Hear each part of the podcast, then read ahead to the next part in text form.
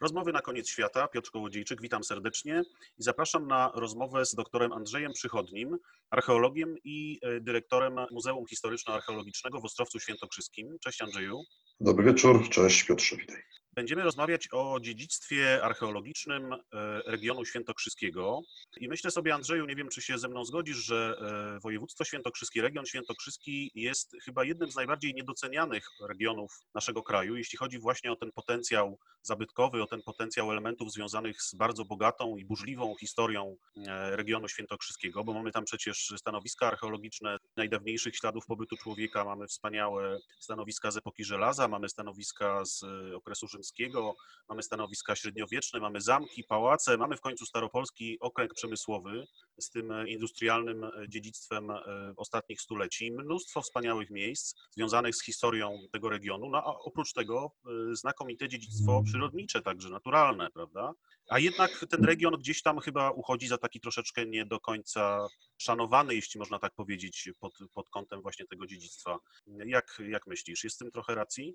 Znaczy, jeśli chodzi o nasze środowisko, czyli archeologów, to raczej jest doceniany, bo to o tym świadczy chociażby historia badań prowadzonych tutaj przez wiele lat przez różne instytucje, w zasadzie z całego kraju, bo nie tylko z Krakowa czy z Warszawy, no także oczywiście z Kielc, ale no również i, i z dalszych, bardziej odległych części Polski, takich jak Poznań. Więc y, sądzę, że y, tutaj pod tym względem nie możemy narzekać, czyli region świętokrzyski jest na pewno rozpoznawalny, jeśli chodzi o środowisko badawcze. Ale wiem, to raczej, jak... raczej taką, takie rozpoznanie turystyczne, wiesz, no i tutaj właśnie jest ta druga, jest ta druga strona medalu, czyli jeżeli mówimy o e, już całości naszego społeczeństwa, no to rozpoznawalność czy skojarzenia bywają różne.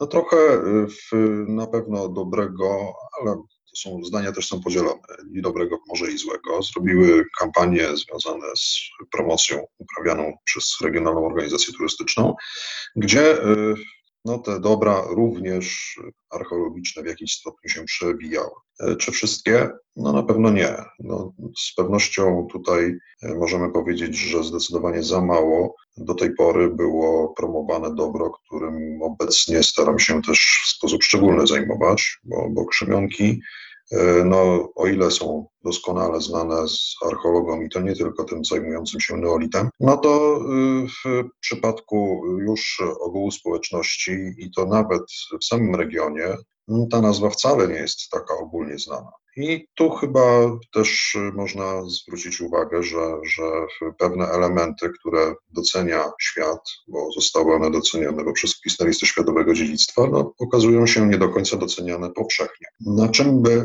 nam oczywiście zależało, a tak niestety się nie dzieje. I tutaj no, muszę się z Tobą zgodzić, że z tym docenianiem, wiedzą na temat tego, jaki jest ów potencjał i którego elementy wymieniłeś wcześniej, no jest y, jeszcze y, chyba trochę słabo. Do krzemionek opatowskich jeszcze dojdziemy, bo chciałem Cię o to specjalnie zapytać właśnie w kontekście tego niedawnego e, w gruncie rzeczy wpisu na listę Światowego Dziedzictwa UNESCO, ale spróbujmy jeszcze na chwilę zatrzymać się przy takim ogólnym obrazie tego regionu świętokrzyskiego. Mhm. Jaka jest rola tego dziedzictwa archeologicznego? No, Ty i ja jesteśmy archeologami, więc trudno się dziwić, że nas najbardziej interesują te ślady nieco starsze niż, niż e, powiedzmy staropolski okręg przemysłowy, czy jeszcze inne tego typu bardziej nowożytne obiekty. Jaka jest rola tego dziedzictwa archeologicznego świętokrzyskiego w, w tej pradziejowej i wczesnodziejowej historii tego obszaru, na którym znajduje się Polska. Czy to są tereny, znaczy- to były tereny ważne, czy one są z punktu widzenia archeologii tych okresów właśnie pradziejowych i wczesnodziejowych istotne? Czy we współczesnej nauce znajdują jakieś, mają jakieś ważne miejsce w publikacjach, w badaniach? To mówiłeś, że są doceniane przez, przez badaczy, przez specjalistów, ale czy to się przekłada właśnie na jakieś dużą ilość publikacji, projektów badawczych? Tutaj też jest, też jest to zróżnicowane, bo oczywiście tych przestrzeni, w których można by było prowadzić badania jest dużo. Tych, które E, mogłyby służyć później jako element, załóżmy, promocyjny. Regionu, też jest znacząca liczba, natomiast nie wszystkie y, są równie intensywnie eksplorowane, można tak rzec. I no tutaj myślę, że możemy tak szybciutko spróbować sobie uzmysłowić y, tą istotną funkcję samego regionu świętokrzyskiego, bo począwszy od y, osadnictwa neandertalskiego w jaskini Raj, potwierdzonego zresztą no, dwukrotnie, bo tam dwukrotnie dwie różne grupy ludzi tego gatunku właśnie się starało zamieszkać przedsionku jaskini, e, no to to jest ten powiedzmy pierwszy element, który już wskazuje nam, że no, mamy w środkowym paleolicie, czyli w okresie naprawdę odległym od chwili obecnej, jakiś bardzo istotny moment. A jaskinia Raj z kolei jest jednak głównie rozpoznawana jako to dobro właśnie przyrodnicze, naturalne, no tak. ze względu na, na szatę naciekową no, wyjątkowej, wyjątkowej urody. Na szczęście jest już stosunkowo nowa, chociaż, chociaż już nie taka nowa wystawa prezentująca również te dzieje powiązane po trosze z człowiekiem, ale y, chyba y, przy świadomości ogólnej, to ona jednak się nie przedstawia jako to dobro archeologiczne, prawda? Raczej, raczej jest kojarzona z dobrem naturalnym. I później y, no mamy, wydawałoby się długo, długo nic, bo taki rezerwat kiedyś otrzymał taką nazwę, rezerwat archeologiczny Rytno, wielkoobszarowy w Dolinie Kamiennej, związany z e, osadnictwem łowców schyłkowo-paleolitycznych. On na przykład już e, no, funkcjonuje w związku z działalnością podjętą stosunkowo niedawno, bo w ostatnich, tak naprawdę w ciągu ostatnich 20 lat, e, przez pasjonatów, czyli osoby, które zamieszkując okolice najbliższe, no, zaczęli się interesować tą najgłębszą historią tego swojego terenu i w jakiś sposób starać się ją ożywić poprzez mm, dwa osobno realizowane przedsięwzięcia edukacyjne o nazwie podobnej, czyli y, Rydno.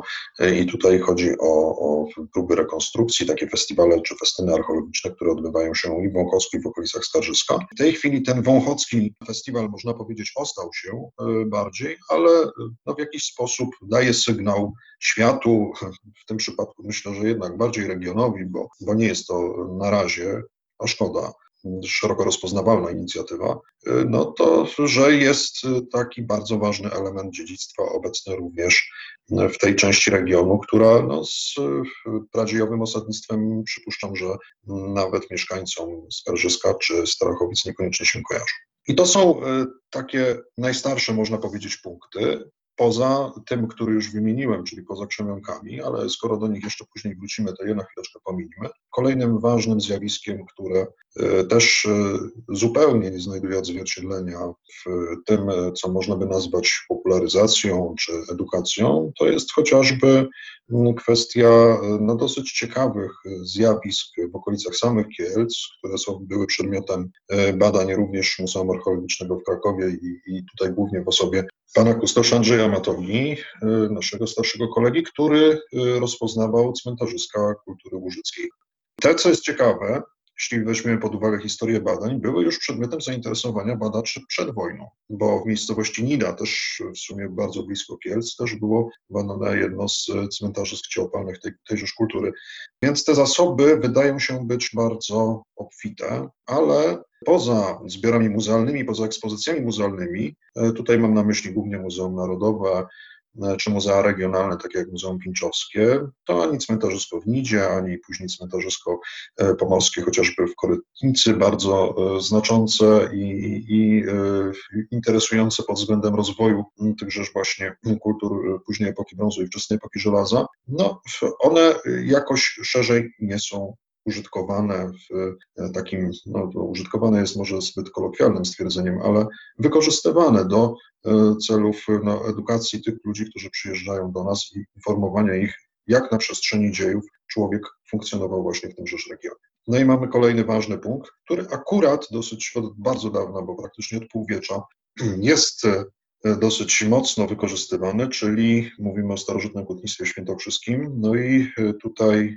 czy młodszy okres przedrzymski, czyli te stulecia poprzedzające bezpośrednio e, narodzenie Chrystusa, czy e, wczesny okres rzymski i, i, i młodsza jego część, czyli pierwsze wieki naszej ery, to jest ten moment, kiedy w naszym regionie faktycznie e, ekspansja, można powiedzieć, taka o charakterze wręcz przemysłowym, no, położyła istotne piętno zarówno na tym, co nazywamy warunkami naturalnymi, bo zmieniła na pewno pewne okoliczności związane chociażby z e, zalesieniem, miała na wpływ na, na, na to, w jaki sposób ta szata roślinna się odbudowywała po okresie intensywnego działania mm, starożytnych hutników, ale e, także e, miała przypuszczalnie wpływ generalnie na to, co nazywamy, żeby to powiedzieć dosyć mało naukowo, a jednak zrozumiale.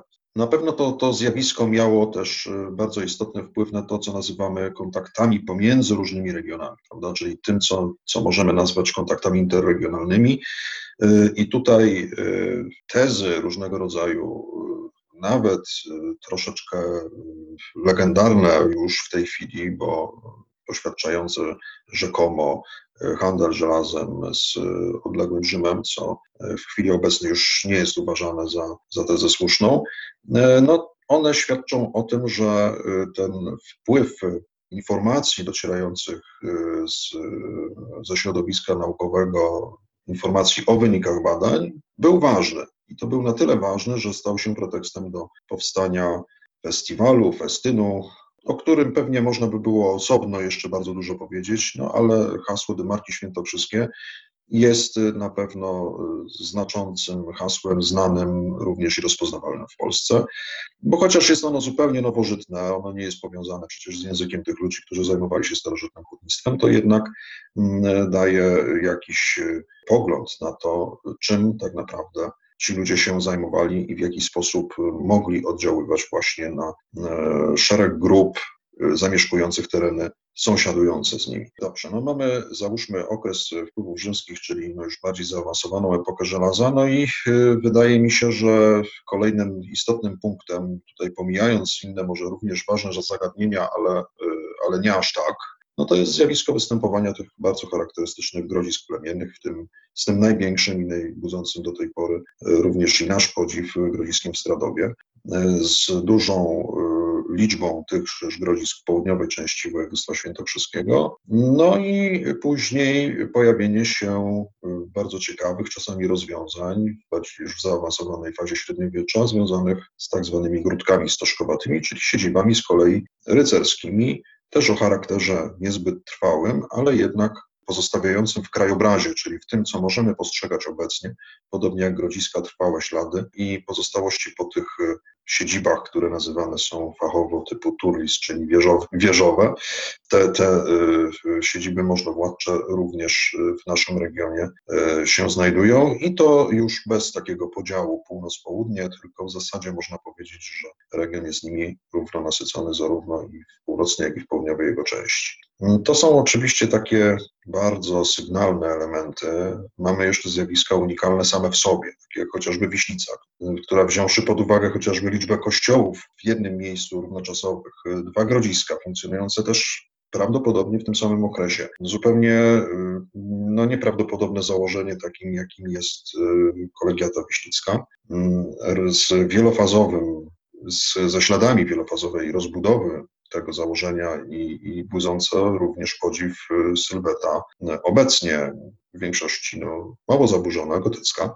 Ona y, jest dobrem, które jest nie tylko dobrem archeologicznym oczywiście, ale nam również się kojarzy z dobrem archeologicznym, chociażby dlatego, że y, zarówno kościółek świętego Mikołaja, który do niej niejako przylega, jak również i pozostałości tych poszczególnych faz rozbudowy kolegiaty, które znane są z podziemi, i e, które są e, objęte, można powiedzieć, też rodzajem rezerwatu, ukształtowanego jeszcze w wieku XX, ale zakonserwowanego stosunkowo niedawno ponownie i który będzie teraz przedmiotem nowej, innego rodzaju, szerszej ekspozycji. To jest też zjawisko, które wydaje się warte uwagi i skłaniające do stwierdzenia, no, że cóż, no trudno rzec, że w tym regionie faktycznie mało się działo w przeszłości. No właśnie, bardzo wiele tych elementów e, świętokrzyskiego dziedzictwa archeologicznego, jeśli można tak powiedzieć, wymieniłeś, a przecież to tylko e, takie właśnie najważniejsze, zasygnalizowane zjawiska.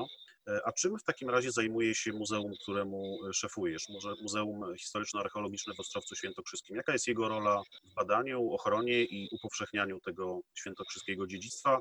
No, na pewno e, jednym z takich ważnych zadań jest dbanie i, i rozwój tych ekspozycji w Krzemionkach Opatowskich, ale do nich jeszcze za chwilę dojdziemy. Ale poza Krzemionkami, czym, czym Twoje muzeum się zajmuje? Muzeum Historyczno-Archeologiczne jest kontynuatorem pierwszego muzeum założonego przez Mieczysława Radwana e, jeszcze w okresie międzywojennym i to było Muzeum Społeczne, założone przez członków Polskiego Towarzystwa Krajoznawczego. E, I ta idea, można powiedzieć, izb muzealnych, to jest, e, można rzec, wielokrotnie powielana, wielokrotnie powielany schemat, nie tylko tutaj w naszym regionie, zakładania pierwszych takich placówek o charakterze stricte muzealnym, które miały prezentować społeczeństwu również i pradzieje. Co jest ciekawe, Mieczysław Radwan w ramach swojego pomysłu chciał przede wszystkim też upowszechnić, po raz pierwszy pokazać, jak wyglądają ślady po pradziejowych górnikach krzemienia, bo właśnie niedługo przed powstaniem tego muzeum odkryte, odkryte zostały krzemionki. Zwane później, czy nazwane później przez e, Stefana Krukowskiego, no trochę nieszczęśliwie opatowskimi, ale dlaczego nieszczęśliwie, to może powiemy trochę później.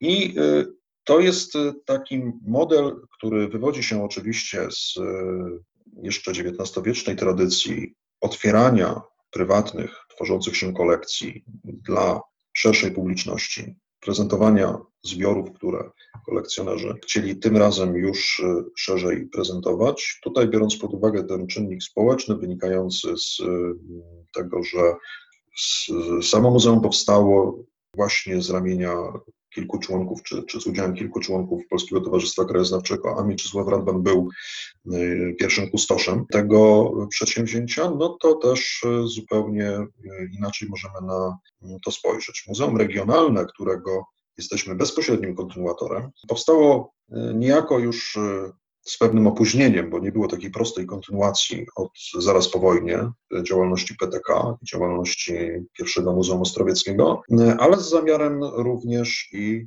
kontynuowania tej misji. Tutaj nie chodziło tylko i wyłącznie o prezentację tego, co jest najciekawsze w samych krzemionkach i co zostało odkryte przez Jana Samsonowicza i później badane przez Stefana Krukowskiego, ale bardziej było to muzeum ukierunkowane na prezentację regionu, czy i w tym przypadku rozumianego dosyć szeroko, gdyż y, tutaj nie ograniczono się tylko do okolic Ostrowca, ale również przedmiotem zainteresowania pierwszego dyrektora, no i zresztą długoletniego bardzo Wojciecha Kotasiaka, było szereg różnych elementów dziedzictwa. On, będąc historykiem sztuki, oczywiście w większym stopniu zajmował się tymi elementami dziedzictwa, które są dla nas już no, nie będących w tej akurat branży może mniej interesujące, ale znajdujących znowu bardzo ciekawe takie, można powiedzieć, przedłużenie E, jeśli chodzi o, o, nasze zainteresowania, bo cóż, no skoro archeologia zajmuje się efektami pracy ludzkiej, tak na przykład jednym z dosyć istotnych walorów ekspozycji w e, Pałacu Wielopolskim w Częstocicach, bo to była pierwsza siedziba Muzeum Regionalnego, e, jest kolekcja ceramiki ćmielowskiej, czyli też, no, można powiedzieć, nowożytnego, ale jednak wytworu. E, związanego właśnie z ludzką pracą. I na tym się tak naprawdę działalność e, muzeum koncentrowała, również jeśli chodzi oczywiście o zbieranie wszelkiego rodzaju pamiątek historycznych, także etnograficznych. Zbiory sztuki no, nie zawierają oczywiście tylko i wyłącznie porcelany. E, I chodziło również o próbę przywrócenia trochę do świetności albo trochę, żeby one przypominały ten okres, kiedy Pałac był budowany w XIX, z końcem XIX wieku mm, przez Zygmunta Wielopolskiego. Y, w związku z tym, że on miał wcześniej jeszcze inną funkcję szkolną, no to tutaj przywrócenie, y, pomimo no, szeregu lat i, i starań, takiej formy oryginalnej no, nie było możliwe do momentu obecnego.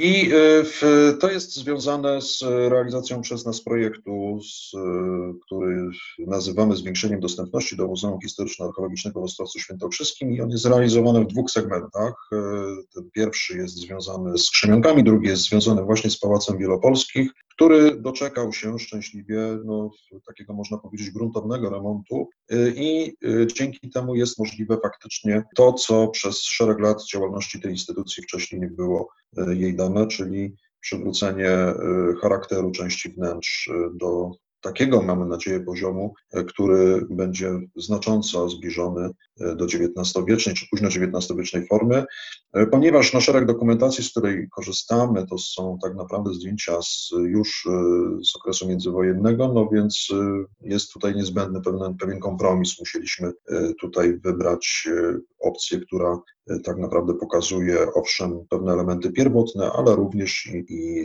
taki już bardziej zaawansowany stan rozbudowy tej siedziby akurat rodów wielopolskich. Tych gałęzi y, w regionie, które budowały pałace, gałęzi tegoż rodu były, było zasadniczo dwie i jedna jest znana z realizacji pałacu w Chrobrzu, też y, w południowej części województwa, a właśnie Zygmunt Wielopolski jest znany z tej realizacji w Częstocicach, które obecnie są dzielnicą Ostrowca Świętokrzyskiego te krzemionki opatowskie już nam kilka razy y, wyłaziły, że tak powiem, to spróbujmy teraz trochę w nich podrążyć, y, słownie oczywiście, bo tak naprawdę to nie można tam, jak rozumiem, w tej chwili już drążyć.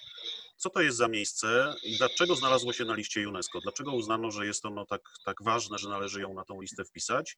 No i czy ten wpis tak naprawdę według Ciebie y, zmienia coś w funkcjonowaniu tego miejsca? Na lepsze oczywiście chciałoby się zapytać. Czy, czy on rzeczywiście taką ważną rolę odegrał, czy odegra w, w, w, przyszłości niedalekiej, czy, czy raczej jest to tylko pewne symboliczne wydarzenie, które nic tutaj specjalnie nie wniesie do tego miejsca? Ono jest rzeczywiście tak znane, nieznane troszeczkę wydaje mi się w Polsce. To znaczy wiele osób pewnie to hasło słyszało, ale wydaje mi się, że, że dla większości no jednak nie jest to miejsce jakoś szczególnie znane czy, czy identyfikowalne E, to jest e, no, trudny temat do, do takiej, e, no, do fragmentu tylko i wyłącznie rozmowy, bo, bo można rzec, że skrzynki są tematem na, można powiedzieć, osobny wręcz podcast, ale, ale to nie mamy tak tyle czasu, więc spróbuj, no, spróbujmy, spróbujmy sprawę streścić. Wspomniany Jan Samsonowicz w 1922 roku zszedł do miejsca, które było eksploatowane na potrzeby lokalnych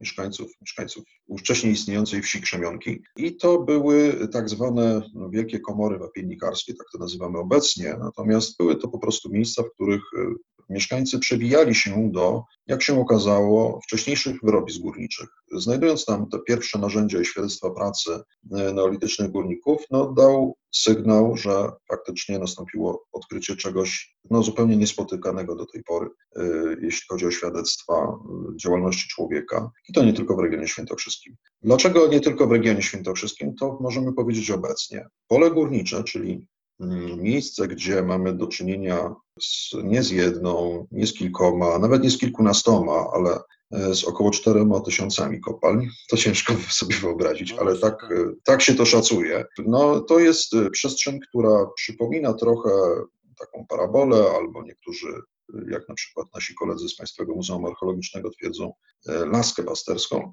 I ta przestrzeń sama w sobie ma powierzchnię 80 hektarów prawie 80 hektarów, więc jest to y, bardzo duży obszar. Y, teren wokół, który również znajduje się, jest objęty ochroną y, zarówno przez wpis na listę, przez, przepraszam, przez wpis do rejestru zabytków, jak również i część jego jest rezerwatem przyrody, mm, no to jest obszar już ponad 300 hektarów. I teraz proszę sobie wyobrazić, wyobraźmy sobie, że przedmiotem wpisu na listę światowego dziedzictwa nie, była, nie było tylko to pole górnicze bo to tak, no, zarówno moje muzeum, jak również i, i, i sama nazwa Krzemionki się e, z tym kojarzy. Pierwsza idea, żeby faktycznie wpisać Krzemionki na listę światowego dziedzictwa, dotyczyła faktycznie tego pola górniczego i, i badacze się skupili na tym. E, no, z różnych przyczyn do realizacji tego pierwszego zamysłu nie doszło. W momencie, kiedy myśl o nominowaniu krzemionek y, zaczęła się rozwijać i, i, i, ta praca postępowała, uznano, że najlepszym rozwiązaniem będzie zwrócenie uwagi Światowego Komitetu na fenomen, który dotyczy nie tylko tego jednego miejsca, ale również i kilku innych. Wybrano kolejne pola górnicze, takie jak Korycizna położona w pobliżu i Borownia oraz wzgórze Gawroniec w Ćmielowie, które jest z kolei miejscem przebadanej częściowo y, osady kultury pucharów lejkowatych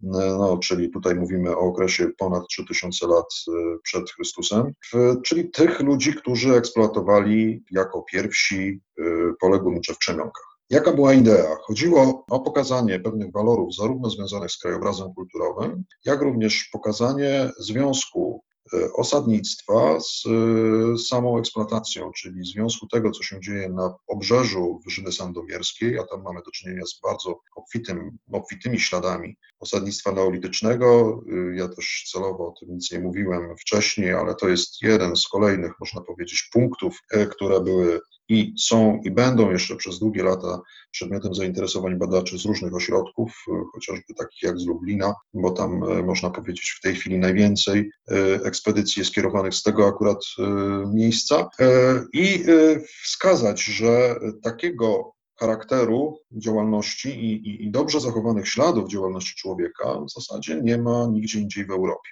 I tutaj się okazało, że faktycznie nie ma, ponieważ specyfika tego złoża krzemienia, które jawi nam się w postaci dwóch ławic występujących na głębokości od, od kilku metrów do prawie 10 metrów pod ziemią, schodzących, tak można powiedzieć, ukośnie.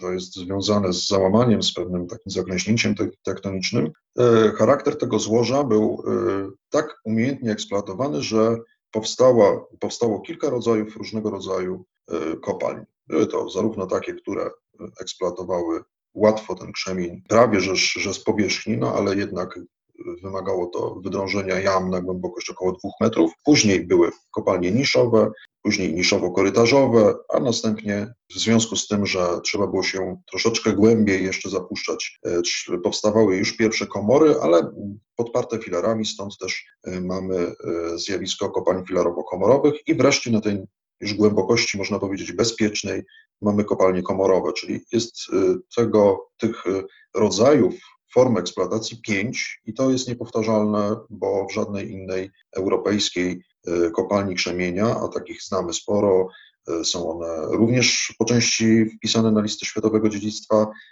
takich form nie było. I podobnie sytuacja wygląda na pozostałych polach górniczych, gdzie też nie jesteśmy do końca pewni, jakiego rodzaju formy eksploatacji były realizowane, bo poza Borownią, gdzie prowadziliśmy ostatnie badania, a konkretnie prowadził y, je zarówno profesor Jacek Lech, jak również i, i kolega nasz y, Artur Jedynak, y, który, który był współautorem wniosku nominacyjnego na listę UNESCO, okazało się, że no jeszcze długa droga daleka przed nami do poznania chociażby charakteru eksploatacji na tych tych pozostałych porach górniczych.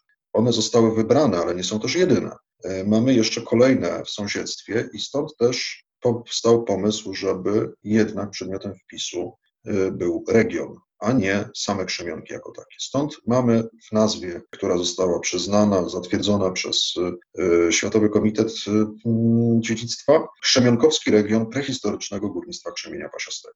I tutaj można powiedzieć, że tym wyróżnikiem jest ciekawy dosyć i skądinąd unikalny surowiec, który był przedmiotem eksploatacji. Natomiast formy tej eksploatacji były bardzo zróżnicowane. I to jest chyba, i to jest chyba taki, można powiedzieć, no, podstawowy element, który e, jeszcze nam umyka.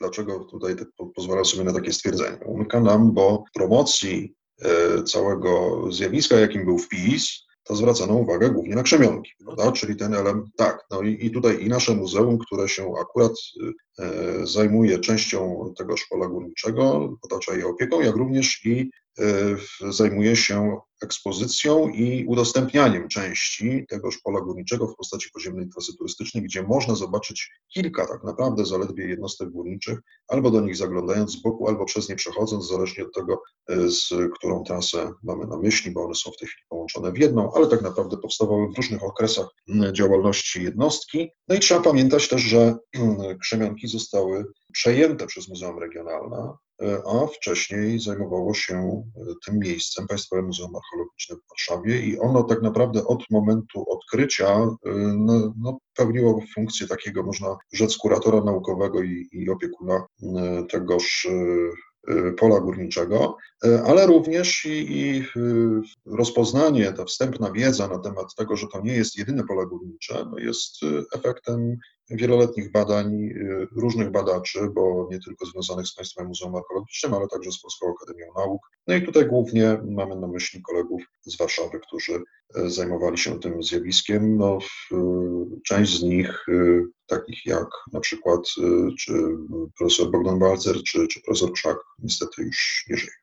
A wpis na listę UNESCO co, coś daje, czymś pomaga, czy, czy nie widzicie? No właśnie, to jest y, oczywiście świeża sprawa. Prawda? Można powiedzieć, że ta euforia roku 2019 y, i y, radość spowodowana samym wpisem, no, powinny być, powinny znacząco wpływać na nasze funkcjonowanie. Oczywiście zainteresowanie samym obiektem się zwiększyło bardzo i to było korzystne dla muzeum, w tym sensie, że w przeciągu tych trzech miesięcy, dopóki nie zaczęła się realizacja projektu, o którym wspominałem, e, od lipca, od momentu, kiedy gruchnęła wieść, że Szemionki zostały wpisane na listę światowego dziedzictwa, no, było tych e, turystów około 10 tysięcy więcej niż w analogicznym okresie roku poprzedniego. Więc e, no, tutaj jak najbardziej korzyść wydawałoby się wręcz namacalna i policzalna. I z pewnością dzięki temu, że ta marka UNESCO no, jest rozpoznawalna w świecie, ma swoje znaczenie.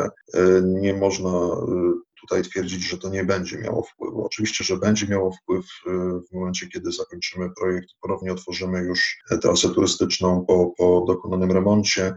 E, biorąc pod uwagę, że jeszcze ona jest w tej chwili, będzie jeszcze lepsza ze względu na, na zwiększenie dostępności osób z niepełnosprawnościami, bo, bo pierwszy raz będziemy mieć windę w, na Krzemionkach, co jest, co jest rzeczą też wydaje mi się godną podkreślenia, e, to e, ja nie sądzę, żebyśmy cierpieli na brak zainteresowania zwiedzających, zwłaszcza, że wszyscy chyba czekają na zakończenie okresu pandemii i, i możliwość wreszcie zwiedzania świata. I w tym okresie zaraz po wpisie też notowaliśmy oczywiście bardzo duże zainteresowanie osób z czasami nawet odległych regionów świata samym obiektem. To są takie elementy jak najbardziej wskazujące, że prestiż UNESCO jest ważny. Natomiast y, musimy mieć świadomość, że no, muzeum akurat, którym ja kieruję, no, no, posiada, tak jak i każda jednostka, bardzo dużo problemów wynikających no, z jednak y, no, nie najlepszego stanu muzealnictwa w naszym kraju, tak ogólnie rzecz biorąc. Po reformie pani minister grup w 1998 roku, y, kiedy szereg muzeów zmieniło swój status, stało się jednostkami samorządowymi, y, gdzie ten samorząd tak naprawdę musiał również i, i, świeżo wtedy tak odnowiony, można rzec, musiał się nauczyć funkcjonować z jednostką muzealną jako czymś, dla, dlaczego jest organizatorem i, i czemu powinien tak naprawdę patronować, no to musiało upłynąć sporo lat, y,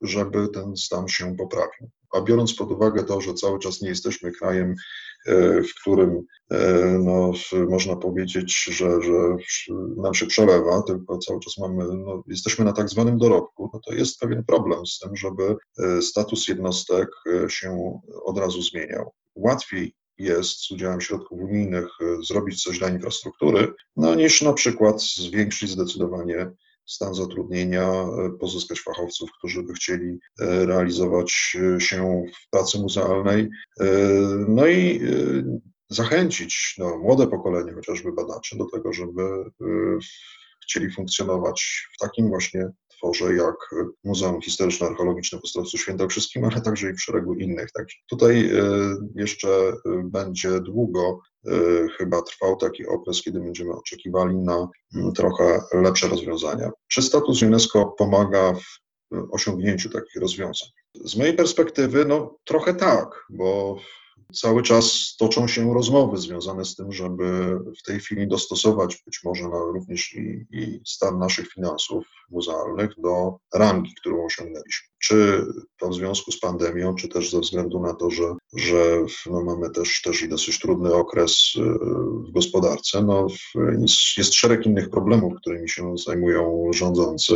No, te rozmowy trwają dosyć długo i czy one przyniosą efekt spodziewany, taki jak chociażby udział Ministerstwa Kultury, e, czy samorządu województwa świętokrzyskiego w organizacji naszego muzeum. No tego e, w tej chwili też nie jestem w stanie powiedzieć, czy określić jakiegoś terminarzu. No ale gdyby ten status się nie zmienił, to sądzę, że mm, byłoby to zdecydowanie trudniejsze.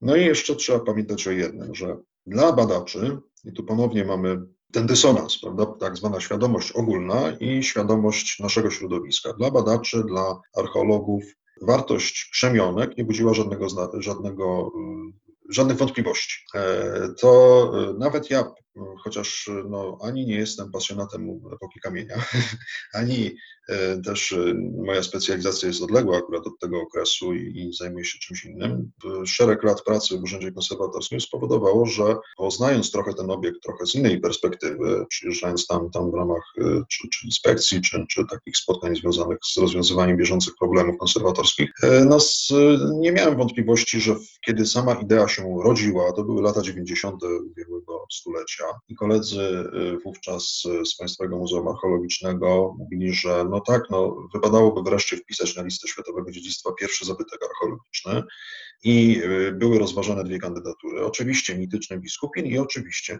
i tutaj krzemionki. Ale dlaczego y, wybór jednak padł na krzemionki? Dlatego, że poziom autentyzmu akurat tego miejsca, stan zachowania, jak również i, i Y, właśnie charakter ten unikalny, ewidentnie w skali światowej jest y, y, niepodważalny. A gradów typu biskupińskiego, co wiemy obaj, no jest sporo. Akurat ten jeden, który był przedmiotem badań, miał to szczęście, że doczekał się i, i pewnej formy rekonstrukcji, jak również i tak znaczącego zainteresowania e, u nas. E, no i e, oczywiście tutaj nie odbierając niczego, broń Boże, biskupinowi, myślę, że po prostu pewnego rodzaju takim no, takim skutkiem z tychże zaniechań i zaniedbań długoletnich jest również to, że akurat Krzemienki się nie doczekały podobnego, e, podobnej formy e, organizacyjnej, którą w tej chwili może się szczycić Muzeum Archeologiczne w Biskupinie, ale ta forma, która w tej chwili jest, czyli opieka Muzeum Historyczno-Archeologicznego w Ostrowcu Świętokrzyskim, takie trochę szersze spojrzenie, które staramy się uprawiać, czyli patrzenie na Dolinę Rzeki Kamiennej jako pewnego rodzaju mm, tygiel, w którym no, różne idee w, ramach różnych okresów y, pradziejów miały y, wpływ na to, w jaki sposób ukształtował się krajobraz, to y, pozytywnie powinno oddziaływać na postrzeganie krzemionek w przyszłości. I tutaj UNESCO i ten status, który osiągnęliśmy, z pewnością będzie pomocne. Tyle tylko, że być może no, większość z nas oczekuje, że skoro tyle czasu trwało i tyle pracy kosztowało osiągnięcie tego statusu, to teraz powinniśmy zacząć odcinać kupony. Ale yy, no cóż, no, e, obaj nie mamy po 20 lat, tak się składa, więc możemy sobie, tak, no trochę można tego żałować, ale jak się właśnie ma 20 lat, to można sobie w ten sposób myśleć, że no, skoro wykonało się pewną pracę i, i jest efekt, jest y, powiedzmy ten, ten, ta nagroda, którą otrzymuje się w ramach, w ramach wykonanej pracy, a taka nagroda na pewno autorom wniosku nominacyjnego się należała jako wpis, bo to akurat nie możemy tego pokazać, ale to jest naprawdę bardzo grube, grube tomisko, bogato ilustrowane i bardzo wszechstronnie y, poddane, poddane zostały Krzemionki czy Krzemionkowski region bardzo wszechstronnej analizie i przyrodniczej, i archeologicznej, no oczywiście z głównym wskazaniem na archeologię. To, to y, no, skoro się wykonało tę pracę, to teraz wypadałoby coś już konkretnego zobaczyć. No i niestety no, z, tym, z tą konkretyzacją jest troszeczkę trudniej. E, ale mnie to absolutnie nie dziwi. Po prostu no, taka jest trochę specyfika naszego kraju, tych warunków, w których funkcjonujemy. Pewnego rodzaju też i, i tutaj pewne chyba też i animozje polityczne w grę wchodzą w momencie, kiedy e, no, zbyt dużo chce być osób ojcami sukcesu, a niektórzy nie za bardzo chcieliby im przyznawać e, rację, bo no, tu pamiętamy, że przy takich okazjach jak, jak splendor międzynarodowy spadający na jakąkolwiek instytucję czy miejsce, no to tych chętnych do tego, żeby przypisać sobie ów sukces jest bardzo bardzo dużo. E, słusznie, bardziej lub mniej, ja wtedy już nie wnikam, bo to jest najmniej istotne, ale e, no to jest też troszeczkę przykre, prawda? Bo wypadałoby teraz, żeby ci ojcowie sukcesu no właśnie pomogli w przekuciu e, tego symbolu, bo to jest jednak symbol, prawda, to, ten, ten, ten status dobra światowego, na jakiś konkret związany chociażby z faktem, że instytucja, która no, no pełni tą, tą ważną rolę w dalszej opiece nad dobrym światowym miała y, narzędzia do, do, do tej pracy, do, tego, do tej troski, czy do sprawowania właściwej troski nad tym rzecz dobrem. Pandemia na pewno swoją rolę odgrywa w tych sprawach i, y, i, problemach finansowych, ale powiedzmy sobie szczerze, y, tego typu aktywności, muzealnictwo czy badania naukowe także od dawna są na końcu kolejki y, albo gdzieś pod koniec kolejki, jeśli chodzi o dofinansowanie, czy nawet zainteresowanie różnego rodzaju władz. I obawiam się, że może być tak, że łatwiej, że okaże się, że łatwiej było wprowadzić krzemionki na listę UNESCO, niż wprowadzić je do jakiegoś zainteresowania włodarzy, czy to samorządowych, czy to, czy to ogólnokrajowych. No, miejmy nadzieję, że tak się nie stanie. Zwłaszcza, że z tego, co czytałem, no, nie jestem tutaj bardzo e, na bieżąco z tymi sprawami, ale słyszałem o pewnych zagrożeniach, które, czy czytałem właściwie o pewnych zagrożeniach, które gdzieś tam w okolicy się dzieją, od e, jakichś przemysłowych działań, które gdzieś tam są planowane, czy były planowane nieopodal tych ważnych e, właśnie pól górniczych, po jakieś takie bardziej indywidualne działania różnych osób, które poszukiwały, czy poszukują tam surowców, choćby do celów takich biżuteryjno-jubilerskich. Czy tak jest rzeczywiście, że te miejsca są stale zagrożone przez jakąś dzisiejszą działalność człowieka? No może zacznijmy od tego drugiego zagrożenia.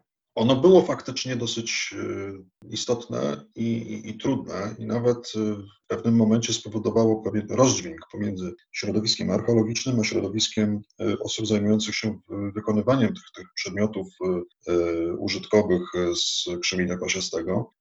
No, ze względu na to, że stworzenie koniunktury, na, na, zwłaszcza wyroby jubilerskie z tego krzemienia, spowodowało realne, naprawdę realne zagrożenie dla pól górniczych, e, bo na tych hałdach wytworzonych przez neolitycznych górników no jest e, jeszcze sporo krzemienia pozostawionego przez nich. I to są nierzadko narzędzia, to są po prostu też okruchy, tak naprawdę ślady ich działalności, czyli naszym językiem mówiąc, tak, naszym językiem mówiąc, zabytki. Mhm. Więc skoro są to zabytki, no to też powinny pozostać w tym samym miejscu albo być ewentualnie przedmiotem badań, jeżeli będziemy je badać, natomiast nie należy ich wybierać, jak również nie należy tworzyć kolejnych dziur, kopiąc i poszukując e, większych okruchów. A niestety takie działania miały miejsce w pewnych rejonach pola górniczego na Krzemionkach, no, w momencie, kiedy, kiedy ta popularność krzemienia pasiastego y, z, jako surowca jubilerskiego osiągnęła tak zwane apogeum, to można powiedzieć, że to chyba cena rynkowa, jeśli dobrze pamiętam, wówczas była w okolicach 6 zł za kilogram. Czyli y, ponieważ krzemień jest ciężki, to wcale nie trzeba go było uzbierać zbyt wiele, żeby, żeby, żeby się zebrał, żeby się zebrał spory, spory y, jakiś kapitał. No, można powiedzieć, no może nie przesadzajmy, ale niemniej jednak to pomagało na pewno w trudnym okresie, zwłaszcza w latach 90. i na początku XXI wieku, e, wielu rodzinom w okolicznych wioskach, jeżeli faktycznie udawało im się sprzedać trochę tego krzemienia, może niekoniecznie za taką cenę, nawet jeżeli ona była połową tej, tej, tej kwoty, o której mówiłem, to, to miało to istotne znaczenie. Tutaj dotykamy dosyć ważnego problemu. E, Stefan Krukowski wspominał, e, czy może w swoich wspomnieniach notował e, takie stwierdzenie, że warunki, w których przyszło mu bytować w momencie, kiedy podjął pierwsze badania na krzemionkach, przypominały mu Alaskę z czasów Jacka Londona, opisywaną przez Jacka Londona. I fakt faktem, coś w tym jest. To naprawdę rejon w okolicach Ostrowca poza tym środowiskiem, które było zatrudnione wtedy funkcjonującym przemyśle, no, był po prostu rejonem bardzo biednym. E, skoro potrafił zniknąć e, nagle transport drutu kolczastego, który został wysłany e, po to, żeby ogrodzić pole górnicze, no, świeżo wówczas objęte pierwszą formą ochrony ze sprawą i społeczników, w, w tym wymienianego wcześniej Mieczysława Radwana. I jeżeli właśnie no, był ten problem, żeby jakoś dało się normalnie tam funkcjonować, to jest to świadectwo, że no nie mamy do czynienia z e, działaniami wynikającymi z e, faktycznie charakteru e, tych mieszkańców, tylko po prostu z biedy. No i, i tutaj my obserwowaliśmy w latach 90. sytuację analogiczną w związku z funkcjonowaniem tak zwanej hałdy odpadów hutniczych, na terenie, gdzie e, znajdował się wcześniej kamieniołom, e, wykonany zresztą przez Hutę Ostrowiec, w sąsiedztwie bezpośrednio samego rezerwatu. E, I to było jedno z zagrożeń, które wstrzymało tak naprawdę, tam mówię tutaj o hałdzie i, o tych o właśnie odpadach, które no, wydawały się no, trudnym do, do usunięcia problemem, wstrzymywało trochę ten pierwszy wniosek, czy, czy powstanie pierwszego wniosku o wpis na listę światowego dziedzictwa, czyli te działania podjęte właśnie w latach 90. trochę spaliły na panewce albo trochę zostały zamrożone przez e, fakt e, funkcjonowania zakładu i firmy, która eksploatowała ową hałdę na potrzeby wytwarzania kruszywa drogowego. No i tutaj wejście Polski do Unii Europejskiej i rozwój inwestycji drogowych, można powiedzieć, że pomogło krzemionkom, bo hałda zniknęła, to do tego stopnia, że zasypany kamieniołom odpadami hutniczymi, głównie żużlem, E, praktycznie odsłonił się od, od nowa i w tej chwili e, można rzec, że, że e, mamy no, przywrócony ten krajobraz nie pierwotny, no ale taki można powiedzieć wczesnonowożytny związany z, z samymi krzemionkami. Ale jest to też świadectwo no, pewnego rodzaju zagrożeń, no bo kamieniołom jak kamieniołom, no okazuje się, że również i w innych miejscach pozyskiwanie kopalin, takich jak chociażby wapień, może być e, przedmiotem e, zainteresowania e, czy miejscowych przedsiębiorców, czy innych grup kapitałowych, o tak to nazwijmy, na tyle istotnym, że być może zagroziłoby nawet statusowi dobra światowego i to wracamy do tego naj, najnowszego zagrożenia dla, dla krzemionek, tak. związanego z faktem no, powstania, czy, czy raczej no, prognozy powstania takiej kopalni e, odkrywkowej wapienia w miejscowości Ruda Kościelna. Ja przypomnę, że w tej chwili wieś Krzemionki jako taka nie istnieje i pole górnicze znajduje się na gruntach trzech miejscowości. Ruda Kościelna, Stoki Stare, to, są, to jest gmina Czmielów i następna miejscowość to jest Sudół, czyli e, ta miejscowość, w której w tej chwili znajduje się siedziba Muzeum Archeologicznego i Rezerwatu Krzemionki, czyli E, oddziału, można rzec, głównego Muzeum Historyczno-Archeologicznego w Ostrocu Świętokrzyskim. I e, w Rudzie Kościelnej na obszarze bezpośrednio, w zasadzie przylegającym do pola górniczego, około 120 metrów od, od, od krawędzi tego pola, przynajmniej w sensie tym, który został wpisany do rejestru zabytków, no miała, y, mogła z, ze względu na funkcjonowanie tam tak zwanego planu zagospodarowania przestrzennego powstać o, taka kopalnia. Szczęśliwie no, skierowanie przez nas takiej opinii dosyć alarmującej y, o, o tym, że, że istnieje to zagrożenie, że y, jest to jednocześnie też strefa buforowa dobra światowego, bo tak to zostało określone w ramach wniosku nominacyjnego skierowanego przez stronę polską do Komitetu Światowego, no to spowodowało bardzo istotną dla nas, y, krzepiącą reakcję środowiska archeologicznego, bo tutaj szereg autorytetów poparło nasze stanowisko, y, wyraziło również no, sprzeciw dla, dla takiej inwestycji. I oprócz tego y, również zainteresowały się inne czynniki, wsparł nas zarówno nasz organizator, czyli Starostwo Powiatowe, które wyraziło swoją opinię, ale także, i tu można powiedzieć chyba no, na, na razie to jeśli chodzi o, o władze wyższego szczebla, takie podstawowe, to, to jest istotny, najważniejszy głos y, wyraził swoje dezinteresment dla takiego pomysłu marszałek województwa świętokrzyskiego. Zatem możemy liczyć, że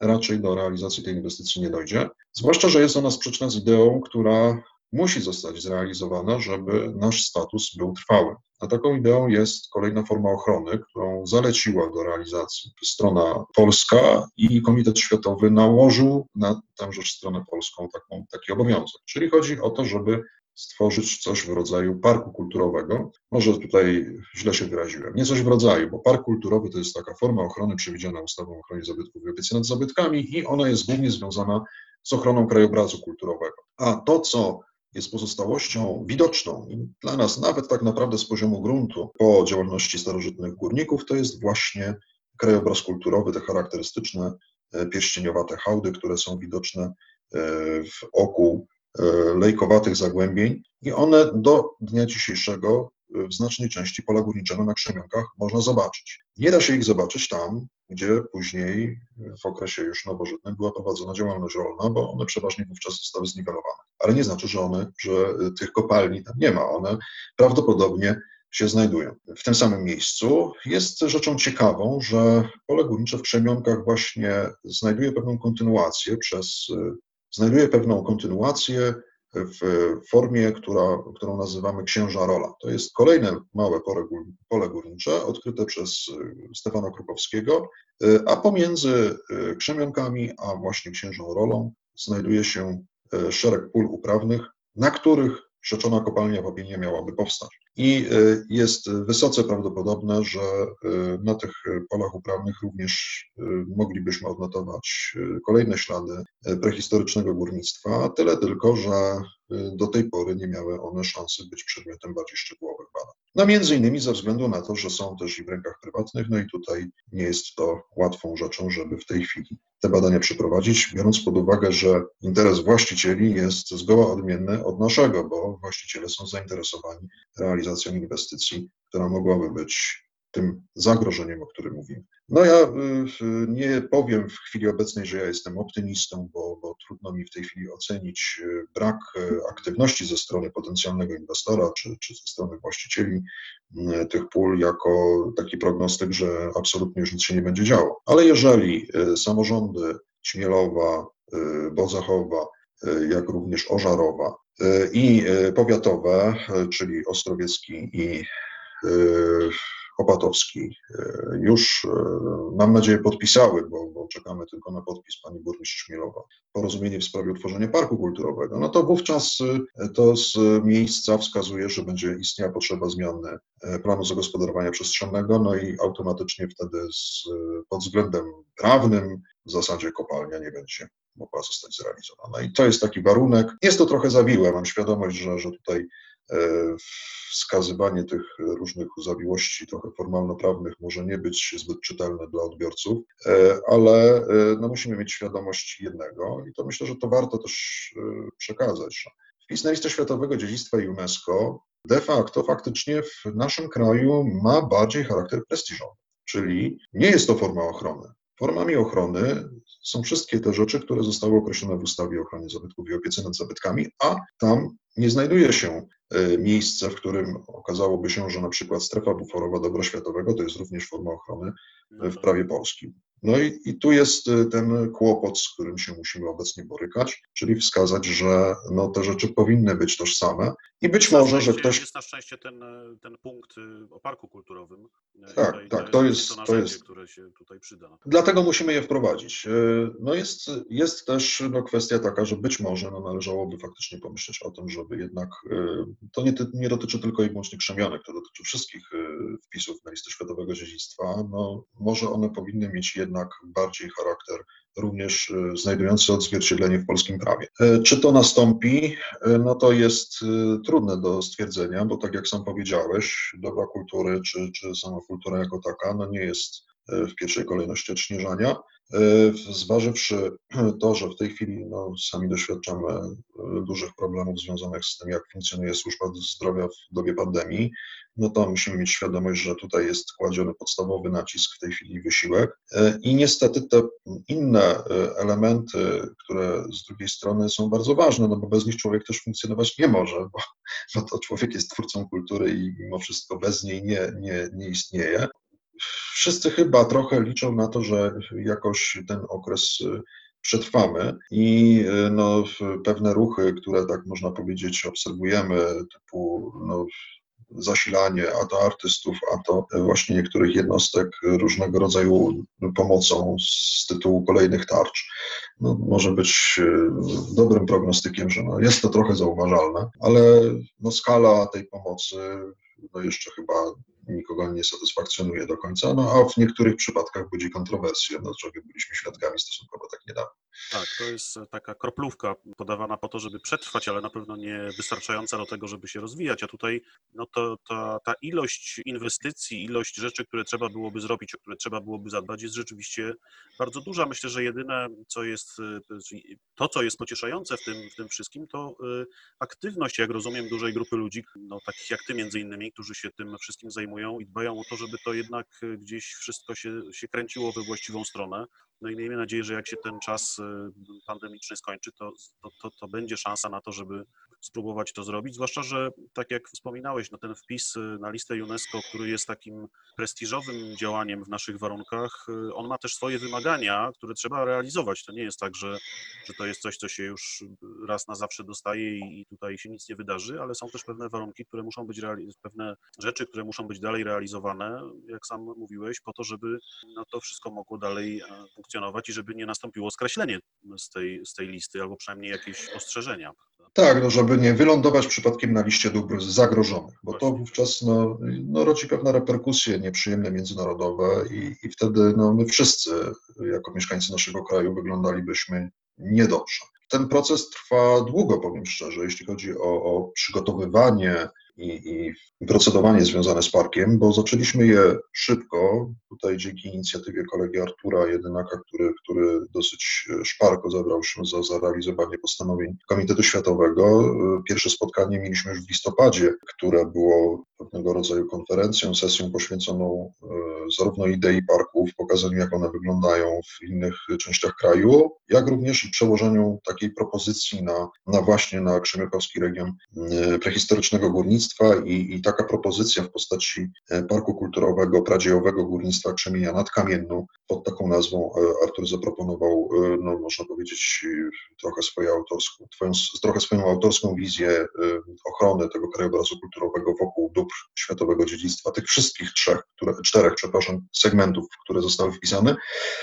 I teraz y, mamy już podsumowanie, bo y, pan Janusz Korzeń y, z Fundacji Karkonoskiej przygotował już plan ochrony parku, propozycje granic i mamy w zasadzie nad czym pracować w tej chwili z samorządami, żeby one mogły na swoim terenie ten park uchwalić bo no, każdy z osobna, tutaj mamy na myśli samorząd gminny, musi sobie ten park uchwalić we własnym zakresie, natomiast chcielibyśmy przygotować im te projekty uchwał, tak żeby no, te zapisy brzmiały jednolicie i żeby też mieszkańcy zwłaszcza mieli świadomość, że to nie jest tylko i wyłącznie coś, co będzie rodziło jakieś zagrożenia związane z zakazami czy, czy e, ograniczeniami. E, ale są też profity. E, I te chcielibyśmy też wskazać. I tutaj mamy też dobrą, już rozpoczętą współpracę. Będziemy teraz podpisywać porozumienie ze Stowarzyszeniem Most, e, które pozyskało z kolei z EOG środki na realizację takiego projektu dotyczącego ochrony dóbr naturalnych i kulturowych zarówno Świętokrzyskiego Parku Narodowego, jak i właśnie Przemionek, więc te dwa obszary będą przez nich analizowane.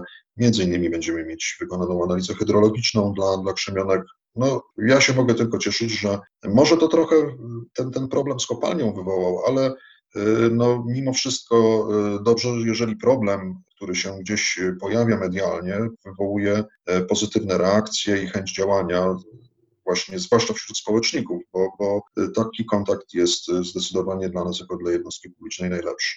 Zdecydowanie tak i e, miejmy nadzieję, że te wszystkie plany uda się zrealizować. No ja muszę się przyznać, że też będę czekał na koniec tej pandemicznej blokady i sam chętnie wybiorę się pozwiedzać, pooglądać, podoświadczać trochę tych świętokrzyskich skarbów, bo nie miałem okazji też zbyt wielu, żeby się w tamtej, tamtym rejonie pokręcić i, i te wszystkie rzeczy zobaczyć. W Krzemiankach mhm. Opatowskich kiedyś byłem, ale tak dawno, że już nic praktycznie nie pamiętam, więc miejmy nadzieję, że, że ten koniec blokady niedługo nadejdzie i, i będziemy mogli wszyscy także w rejon świętokrzyski się udać, żeby trochę odetchnąć. A ja na koniec, czy zmierzając do końca naszej rozmowy, chciałem Ci jeszcze zapytać, wywołać jeszcze jeden temat, z którym jesteś związany. Przesuniemy się w tym celu z neolitu do epoki żelaza. Wspominałeś o tym, że mm, w tym świętokrzyskim regionie bardzo silne, bardzo ważne są tradycje hutnictwa, tego pradziejowego czy wczesnodziejowego. I no, jest tam wiele miejsc i wiele wydarzeń, które z, z przypominaniem, upowszechnianiem wiedzy o tych wydarzeniach, o tym przemyśle, o tych technikach, technologiach mają związek. Ty jesteś jednym z no nie tylko wykonawców, ale jak rozumiem autorów, czy nawet autorem właśnie Dymarek Świętokrzyskich, czy tego wydarzenia, które się e, od lat e, rozgrywa i jest rodzajem rekonstrukcji tych dawnych technologii, prezentacji tych dawnych technologii, opowiadania o nich w takim wydaniu rekonstrukcyjno-festynowym bardziej, ale są też przecież wydarzenia, które się odbywają w, właśnie w rejonie Nowej Słupi, są też e, Żelazne Korzenie, czyli taki projekt dla uczniów, jeśli się nie mylę, przeznaczony bardziej szkół średnich związanych z historią hutnictwa w tym regionie. Jakbyś mógł jeszcze parę słów na ten temat powiedzieć? Co to są za wydarzenia, jaki jest ich cel, jak się odbywa? No teraz rozumiem, że to wszystko jest oczywiście zablokowane z, powodów oczywistych, ale w normalnych warunkach jak to wszystko się odbywa i, i jaki jest cel tego, waszego działania? I jak duża grupa ludzi bierze też w tym udział? No cóż, y, nie mamy za bardzo czasu, żeby tutaj całą historię zaangażowania mojego w przedsięwzięcie nazywane Dymarkami Świętokrzyskimi powiedzieć. No tutaj y, twórcą na pewno samych Dymarek to ja bym się nie nazywał, bo jeśli chodzi o, o to zjawisko, to ono posiada jedno, a może nawet kilka y, twarzy. Przede wszystkim idea początkowa, która wynikała z faktu, że wspominany przy innej okazji Mieczysław Radwan prowadził wraz z kolegami e, z Akademii Górniczo-Hutniczej, ale także i, i, i młodym wówczas e, doktorem e, Kazimierzem Bieleninem eksperymenty koło Muzeum Starożytnego Hutnictwa Nowej Słupi. Tym przedsięwzięciem, tymi eksperymentami zainteresowali się działacze Polskiego Towarzystwa Turystyczno-Krajoznawczego już funkcjonującego po wojnie i stwierdzili, że to jest świetny motyw na to, żeby przekształcić to w wydarzenie o charakterze takim ogólnopolskim, festiwal na miarę wręcz festiwalu opolskiego. I tutaj y, nie oszukujmy się, pomysłodawcy czy powiedzmy inicjatorzy tego wydarzenia byli zainteresowani skalą. Y, I to, y, że pierwszą w ogóle lokalizacją, która była brana pod uwagę dla tego wydarzenia o, o pewnej skali, która by właśnie spowodowała takie zwiększone zainteresowanie, większy ruch turystyczny w regionie wówczas kieleckim, to była Wiśnica. I to wynikało również z dosyć interesujących, jak na ówczesne czasy, wyników badań milenijnych prowadzonych w okresie e, świętowania czy, czy zbliżania się tysiąclecia państwa polskiego. I e, jak tak się dobrze przyjrzeć pewnym historiom e, sfotografowanym w latach właśnie 60. późnych, to zobaczymy, że oprócz tego, że miała miejsce pod dawnym Komitetem Wojewódzkim PZPR w Kielcach parada wojów w bardzo charakterystycznych strojach specjalnie przygotowanych na, na ten okres z okazji właśnie tysiąclecia. E, przypomnijmy, że to była taka, że te obchody tysiąclecia państwa polskiego miały być pewnego rodzaju e, reakcją na obchody tysiąclecia chrztu Polski, które przygotowywał Kościół katolicki, więc no, tu nie oszukujmy się, kontekst, tak, kontekst jest oczywiście jasny i oczywisty, propagandowo-polityczny i tutaj myślę, że, że te działania e, podjęte wówczas przez, przez e, przedstawicieli e, PTTK z pewnością też te, trochę tego kontekstu posiadały, takiego właśnie propagandowego. Chodziło o to, żeby stworzyć, jak to mówił pan Krzysztof Lewicki, i to powtórzył nawet przy mnie dwukrotnie, największy świecki odpust w województwie. I to z pewnością się udało pomysłodawcom, bo przez szereg lat to było to coś w rodzaju odpustu, na którym e, funkcjonowały właśnie te, te e, stroje dziwnych wojów, w takich hełmach, które były zbudowane na bazie kasków motocyklowych. Także to można powiedzieć jest dosyć nawet zabawne, gdy się na to spojrzy tak e, no, krytycznie z, z przymrużeniem oka, ale też niebezpieczne troszkę pod względem właśnie takiej z troszeczkę e, wybujałej identyfikacji e, z radziowymi e, hutnikami. Mieczysław Radman, który był technologiem, on akurat też nie do końca zdawał sobie sprawę z tego, że no coś takiego jak, jak kontynuacja działalności hutniczej e, od okresów wpływów rzymskich po wczesnośredniowiecze, no jednak nie istnieje. Zresztą te pierwsze wyniki badań tak, no to wskazywały na, na, taką kontynuację, bo często piecowiska były znajdowane e, w sąsiedztwie na przykład albo wręcz na osadach wczesnośredniowiecznych i trudno było te fakty rozdzielić. Dopiero późniejsze e, dały rezultaty wskazujące, że o nie, nie, nie, to mamy do czynienia jednak z czymś, co jest zdecydowanie starsze Czyli jeżeli mówimy na przykład o tym, że istnieje taka ciągłość od starożytności po staropolski okręg przemysłowy, no to, to, to nie jest to prawdą, e, ale musimy mieć świadomość, że cały czas mamy tutaj do czynienia z bardzo ciekawym dziedzictwem właśnie związanym z efektami pracy ludzkiej. I ta ludzka praca wykorzystywała bardzo podobne zasoby obecne właśnie w regionie. I to zasobność naturalna regionu wywoływała takie, a nie inne efekty pracy. I tu e, przykład Krzemionek jest właśnie takim bardzo ciekawym, bo pokazuje, że Ci ludzie y, no, byli y, wyjątkowo, można rzec, tak kolokwialnie łebscy, skoro potrafili tak w różny sposób dostosowywać się do warunków, które stwarzały złoża. I podobnie było również w okresie rzymskim, a podobnie również i w nowożytności, gdzie dostosowywano się do innych już uwarunkowań i innych potrzeb związanych z inną technologią, która wówczas była stosowana. E, I to jest oczywiście taki pewien skrót i, i można powiedzieć slogan wręcz. E, może dla niektórych to, to, to, co mówię, to są truizmy, e, ale E, myślę, że warto sobie uświadomić, że no nie możemy tutaj e, mówić o tym, że istnieje taka prosta ścieżka wiodąca nas od, od dymarzy, którzy zajmowali się hutnictwem w Radziejach, do nas. E, no i tutaj podobnymi twierdzeniami, już nie tak dawno zresztą naraziłem się zwolennikom Wielkiej Lechi, ale o tym nie będziemy już, myślę, mówić i nie ma zresztą też sensu ich przekonywać, bo no, nie czuję się upoważniony do tego, żeby przekonywać wyznawców religii do tego, żeby zmienili zdanie. Jak ktoś chce bardzo w coś wierzyć, to i tak będzie wierzył, chociażbyśmy nie wiem, jakie argumenty mu przedstawiali. Tak, bo tu nie no, chodzi ale... o argumenty, tylko chodzi o. Tak, tak, to jest, to, to są pewne przekonania i tu trudno. Nie, nie, nie, nie, z tym możemy walczyć. Natomiast y, co ja mogę, jak mogę określić swoją rolę w rozwoju tego wydarzenia, gdzie wkroczyłem tam, można powiedzieć, stosunkowo późno, ale nie tak znowu e, późno, jakby się wydawało, bo zacząłem e, już udział mój pierwszy w Dymarkach Świętokrzyskich, to były lata 90. ubiegłego stulecia. E, no i powiem szczerze, byłem bardzo mocno zdegustowany tym przedsięwzięciem. I to, I to być może też spowodowało, że kiedy obecny profesor, kolega Szymon Orzechowski strasznie mnie naciskał, żebym e, przystąpił do stowarzyszenia, które zawiązuje się jako kontynuator działalności towarzystwa, które organizowało dymarki od lat 70. do właśnie późnych 90. ubiegłego stulecia, to ja mówię, nie, nie, nie, to nie, nie, to zupełnie mnie nie interesuje, ale ale słuchaj, my chcemy, chcemy, ja chcę to zmienić, to czy musimy to zmienić, to trzeba po prostu coś, coś z tym zrobić, żeby to przypominało e, faktycznie rzeczywistość. No to ja mówię, no to tak, jeżeli faktycznie mamy to zmieniać, no to wtedy jest szansa, że coś zrobimy.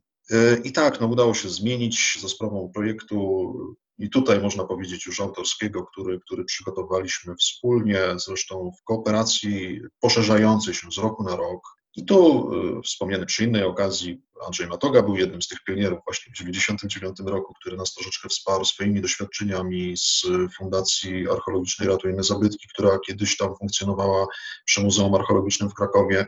Byli koledzy z Warszawy, Paweł Maciejewski, Michał Sykuła, Wojciech Kochman, tutaj pozwolę sobie wymienić ich tak po kolei wręcz, którzy zdecydowali się nam pomóc. Był Wojciech Sławiński, e, w tej chwili funkcjonujący, być może znany nawet dosyć powszechnie jako Mennica Mazowiecka, wytwórca szeregu kopii monet czy monet okolicznościowych, bardzo zresztą wysokiej jakości, e, ale właśnie jeden z pierwszych, można powiedzieć, e, odtwórców kowalstwa antycznego, czyli takiego, które miało nawiązywać swoją technologią, sposobem funkcjonowania do tych warunków, które panowały w Pradzie. I był kolega e, również e, Michał Majcher, który e, zajmował się między innymi wytopem brązu, czy można powiedzieć wytwarzaniem przedmiotów albo brązowych, albo mosiężnych.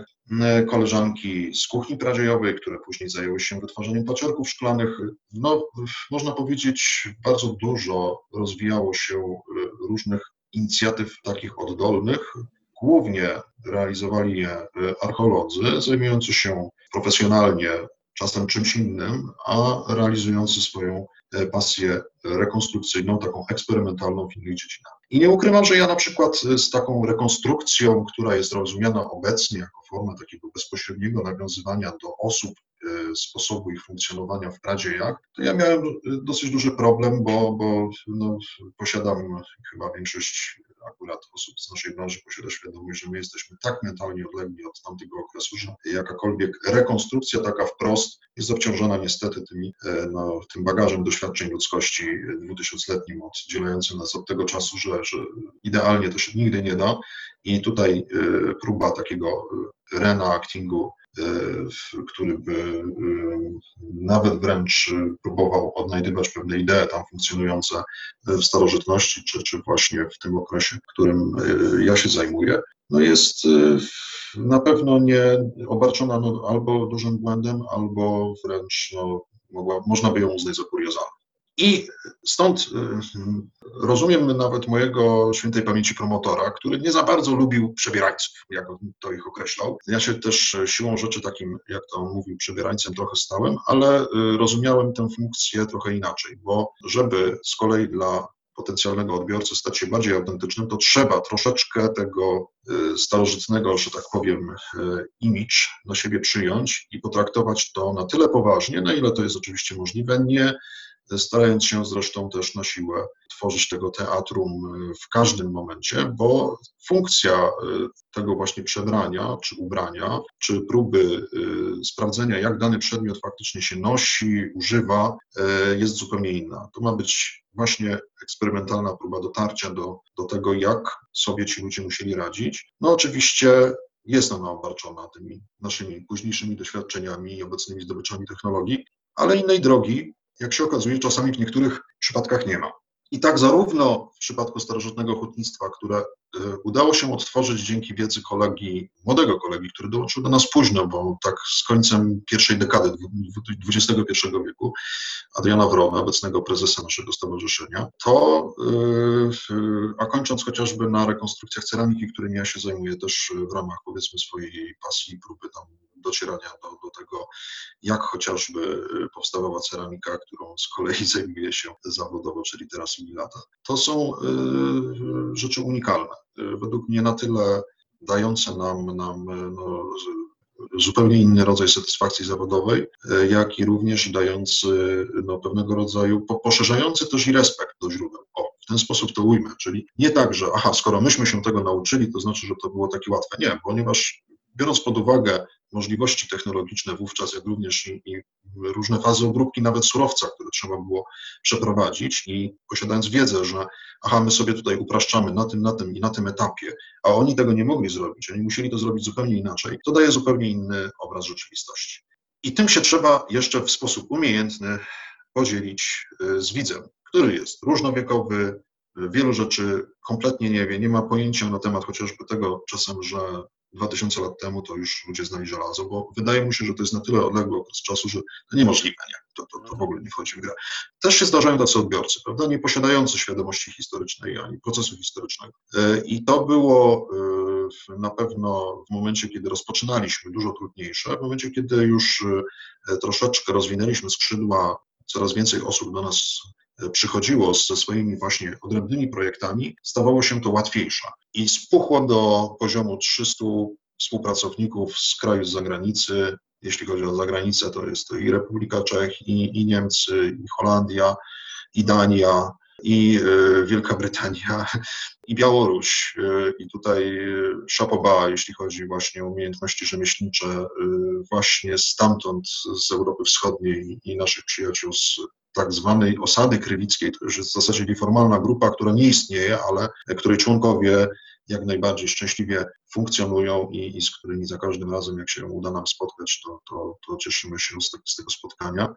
No i y, mogę tylko powiedzieć jedno że właśnie te, te, te szereg twarzy Marek Świętokrzyskich, o których wspomniałem na początku, odbiło się też na tym, że y, musieliśmy e, się między innymi pożegnać z Nową Słupią, która no nie rozumiała, że ta twarz chińsko-diskopolowo-jarmarczna no w pewnym momencie nie przystaje zupełnie do, do, do takich projektów o charakterze stricte edukacyjnym i że jeżeli no, się nie da już y, przekształcić również tej części, y, która jest otoczką y, samego festywalu archeologicznego w coś bardziej ambitnego, to po prostu nie ma to sensu. I no, to też nie ukrywajmy, no trochę to trwało.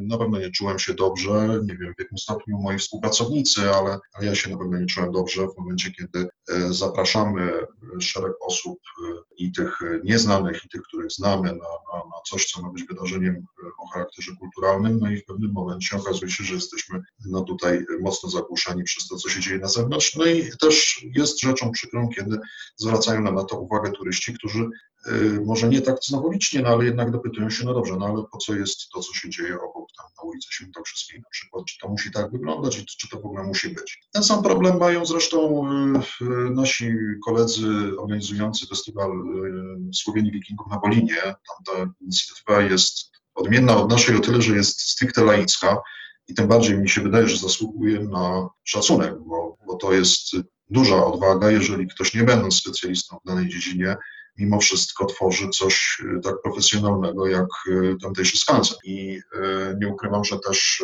w powstaniu struktur, które, które udało nam się wspólnie i zaprojektować i wybudować w Nowej Słupii swego czasu, no to to też zasługuje również na uwagę to, że, że to powstało przy udziale zarówno naszych kolegów Białorusinów, o których wspominałem, jak i również kolegów z tamtejszego Stowarzyszenia Wolińskiego Jomsborg Wineta. I w tym momencie ja osobiście uważam, że no cóż, no Marki Świętokrzyskie to jest właśnie ta twarz również, która y, jest ideą. I tę ideę stowarzyszenie w tej chwili powinno cały czas realizować.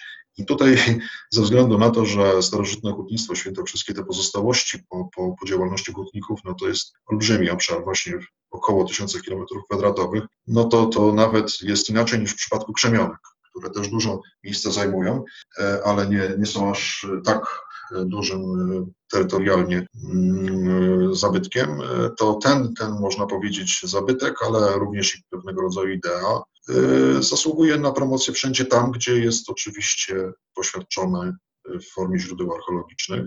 A żeby było jeszcze ciekawiej, to jest taka dykteryjka, ale całkiem autentyczna, dotycząca w ogóle powstania Muzeum Starożytnego Hutnictwa w Nowej Słupii, bo y, ono powstało tam głównie dlatego, że obok mamy szlak turystyczny na Święty Krzyż i dlatego, że y, akurat Kazimierz Bielenin musiał, czy miał zaszczyt gościć panią baronetą Czewą z Bułgarii, a warunki, tutaj wracamy znów do, do, do pewnych trudnych, powiedzmy sobie, okresów w dziejach w tym przypadku już powojennej Polski, y, w Nowej Słupii były takie, że tam no, no, wstyd mu było zakwaterować gdzieś tę panią i stwierdził, że najlepszym miejscem to będzie istniejące wówczas jedyne w tym miejscu, w tym regionie schronisko. Y, a żeby było blisko, no to postanowił przebadać piecowisko wykryte wcześniej przez badania nieinwazyjne właśnie w pobliżu y, schroniska nowosłupskiego. I dzięki tym, można powiedzieć, dzięki temu bułgarskiemu śladowi, no, E, napatoczył się albo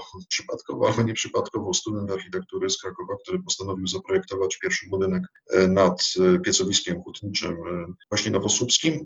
No i, i, i w tej chwili powstaje tam nowe, nowe muzeum, które ma być ponoć otwierane w lipcu. I dobrze, myślę, że to jest jakiś taki ślad, ale jak się okazuje nie jedyny, bo w trakcie naszych badań, wtedy prowadzonych przez kolegę Szymona Orzechowskiego w Pokrzywnicy został wykryty. Też bardzo ciekawy ślad w postaci piecowiska y, z takimi charakterystycznymi kanałami.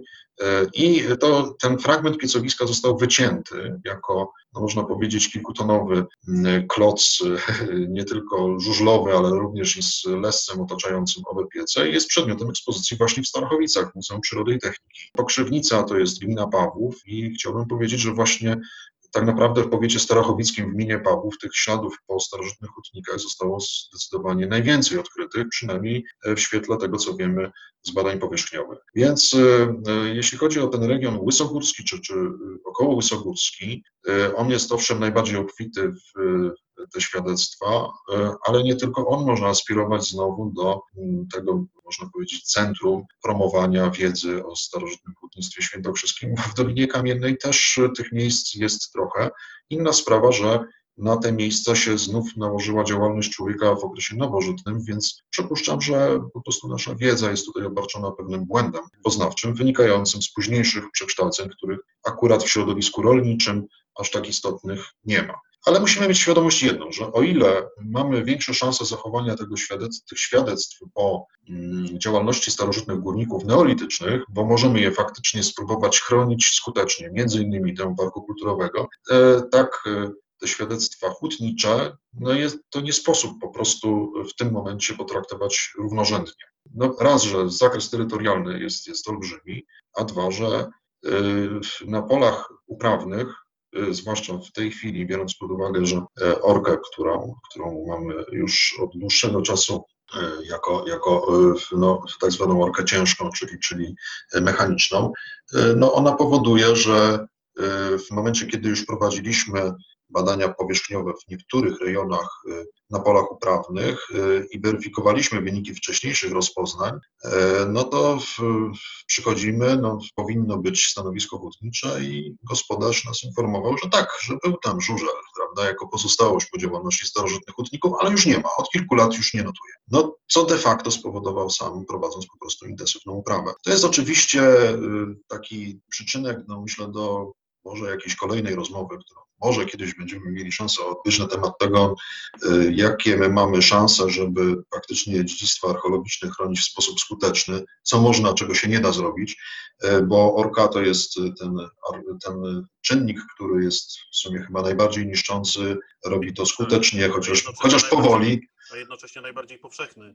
Najbardziej powszechny i, i, to, i to też jest świadectwo no, takie, można powiedzieć, wskazujące, że, że trzeba się tym zająć. Ale wracając jeszcze do tych spraw, spraw związanych z edukacją. Żelazne korzenie, o których wspominałeś, to jest właśnie próba z jednej strony troszeczkę przeniesienia szerzej informacji, że hutnictwo świętokrzyskie to nie tylko okolice Nowej Słupii, Ja kiedyś byłem egzaminatorem, no, kiedy były egzaminy na przewodników świętokrzyskich, to właśnie tak, tak, takie padały zazwyczaj informacje podstawowe od młodych ludzi, którzy chcieli przewodnikami pozostać. No i, no i tak nawet czasami się dziwiłem, bo nie wiedziałem, gdzie ci Państwo to przeczytali. A przeczytali to w jakimś tam przewodniku, no bo to jest najprostsze do stwierdzenia. W momencie, kiedy mamy tak, mamy muzeum, mamy imprezę, no to w tym momencie okolice Nowej Słupy są bezpieczne. No tak, tam jest ochotnictwo, tylko tyle, że e, przypuszczam, iż zarówno w kręgach zarówno władzy samorządowej i, to, i tej wyższego szczebla, i tego niższego, jak również i, i wśród mieszkańców regionu, wiedza na temat tego, że to jest tak olbrzymi obszar jest żadna. No i, i, stąd pomysł na kooperację z Muzeum Przyrody i Techniki, żeby przenieść tam właśnie żelazne korzenie w roku 2004. No i od tego roku szczęśliwie to miejsce i tamtejszy archeopark dobrze znosimy jako, jako grupa, no trochę mniejsza, bo to jest projekt realizowany w grupie około 70 osób, e, ale kilkuset, od kilkuset do ponad tysiąca dzieciaków rocznie korzysta z dwóch lub trzech dni takich, takich sesji, można powiedzieć, edukacyjnych dotyczących różnych elementów rzemiosła, życia codziennego, z ukoronowaniem w postaci właśnie prezentacji no, rozbiórki pieca i obkuwania łupki żelaznej po to, żeby e, pokazać no, tę specyfikę regionalną jako coś, coś najistotniejszego. I dzieje się to, co ja sobie akurat osobiście najbardziej cenię, z udziałem e, szeregu osób, z którymi właśnie 20, ponad już 20 lat temu rozpocząłem kiedyś współpracę. Nie za bardzo też zdając sobie sprawę, do czego, do, do, do jakiej skali, do jakich tutaj e, działań innych będzie ona mogła doprowadzić. Ale gdybym, powiem szczerze, miał, miał cokolwiek w ramach tych działań podejmowanych przez szereg lat, czy, czy, czy ostatnich, czy tych początkowych zmieniać, to chyba raczej bym tego nie uczynił, więc mogę powiedzieć, że to jest tylko i wyłącznie e, dobre doświadczenie, bardzo potrzebne, nawet jeżeli no, niosło ze sobą tam szereg różnych gorzkich elementów i, nauczek, które e, trzeba było przyjąć, e, ale które też sporo do, do postrzegania rzeczywistości, naszych relacji z dziedzictwem archeologicznym, czy ogólnie z dziedzictwem kulturowym dla mnie osobiście wniosło. Jest jeszcze jeden chyba efekt, o którym ze skromności nie, nie wspominasz, tej twojej działalności, pewnie jakoś też związanej z, właśnie z tym zainteresowaniem tego typu aktywnościami. Jesteś też autorem kilku już chyba w tej chwili książek, takich beletrystycznych, można powiedzieć, poświęconych czy opowiadających o historii, ale w taki właśnie beletrystyczny, bardziej rozrywkowy sposób o historii jakichś ludzi, jakichś bohaterów żyjących w epoce żelaza, gdzieś tutaj na tym obszarze, jak rozumiem, o którym mówimy. To są z jednej strony e, książki rozrywkowe, ale osadzone dość mocno w tej twojej wiedzy na temat tego wszystkiego, co wówczas się działo i, e, no i też będących pewnego rodzaju opowieścią, może na trochę innym poziomie, ale też w bardzo ciekawy sposób opowieścią o tych czasach i o tych historiach, o których częściowo wspominałeś. Tak, Piotr, oczywiście jest e, faktem, że jak prowadzi się taką działalność, którą się w tej chwili mówi, określa jako promocyjną, prawda? No to ja, ja tego określenia osobiście nie za bardzo e, lubię. Nie, nie, lubię tego określenia, bo, bo, promocja posiada w tej chwili tak e, wiele właśnie tych twarzy, że, że, że czasami można by się poczuć utożsamionym z czymś niewłaściwym. E, niemniej jednak, jeżeli się stara opowiadać ludziom na różnych płaszczyznach i różnym ludziom o, o dziedzictwie. Popularyzować wiedzę o przeszłości. Czy popularyzować tę, tę, tę wiedzę o przeszłości, to z, sięgamy do różnych sposobów. Jednym z takich sposobów e, był na pewno pierwszy e, taki film, no można powiedzieć, półprofesjonalnie zrealizowany e, z okazji 50. Dymarek, bo chcieliśmy na 50. Dymarki przygotować taki, taki, taki film opowiadający troszeczkę właśnie zbeletryzowaną historię jak to mogło wyglądać 2000 lat temu, co się wówczas działo ważnego w Europie, jakie były te kontakty szersze, interregionalne, skąd chociażby nawet w ramach naszego projektu nagle się biorą Rzymianie, żeby ludzie to troszeczkę mogli łatwiej zrozumieć. Ten film nazwany Żelazny Pielgrzym, no i którego tutaj głównym bohaterem był, był właśnie przytoczony przeze mnie kolega Adrian, jako też z jednej strony bardzo profesjonalny dymasz, ale z drugiej strony też i, i no, niesamowicie y, zdolny kowal. I chcieliśmy to y, w, ująć również w formie pewnego rodzaju historii. Oczywiście takiej bardzo spłyconej historii, w tym przypadku markomańskiego wojownika, który niejako poszukuje możliwości wymiany doświadczeń swoich rzemieślniczych. To jest trochę też nawiązanie do mm, tego przeświadczenia, ale podpartego źródłami o wędrówce pewnych umiejętności za sprawą właśnie być może również i wędrownych rzemieślników, Tutaj taka koncepcja jednego z y, profesorów, w tej chwili y, być może już nie, nie do końca aktualna w przypadku wszystkich y, znalezisk tego typu, takimi są znaleziska grobów z narzędziami kowalskimi, czyli popularnie nazywanych grobami kowali, no ona była pewnego rodzaju takim źródłem inspiracji dla mnie przy pisaniu scenariuszu tego filmu. Od tego się można powiedzieć zaczęło. Zdałem sobie sprawę, że nie istnieje coś takiego jak właśnie dobra powieść, która by e, potrafiła spopularyzować wiedzę na temat tego, jak e, funkcjonowała rzeczywistość pradziejowa w tym właśnie okresie, bo tak naprawdę na okres wpływów rzymskich to my patrzymy z perspektywy Kwowadis Henryka Sienkiewicza, gdzie tam się gdzieś pojawiają jacyś ligowie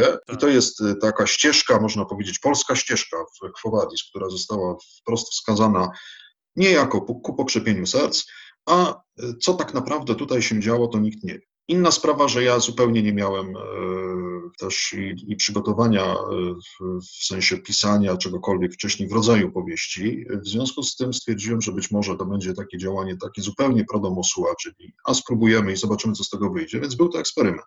Dopiero w momencie, kiedy dałem to, ten pierwszy tom, e, który nazwany jest Kamieniem Nertus e, cyklu Aisa, czyli, czyli, czyli e, tej sagi z kraju żelaza, której trzeci tom niestety już męczę od dwóch lat i nie mogę zmęczyć, ale mam nadzieję, że właśnie w okresie urlopowym teraz mi się uda wreszcie zamknąć, bo już naprawdę niewiele zostało do zamykania wątków. No, on był takim testem, który wskazał, że no może to jest jednak i, i całkiem niezłe.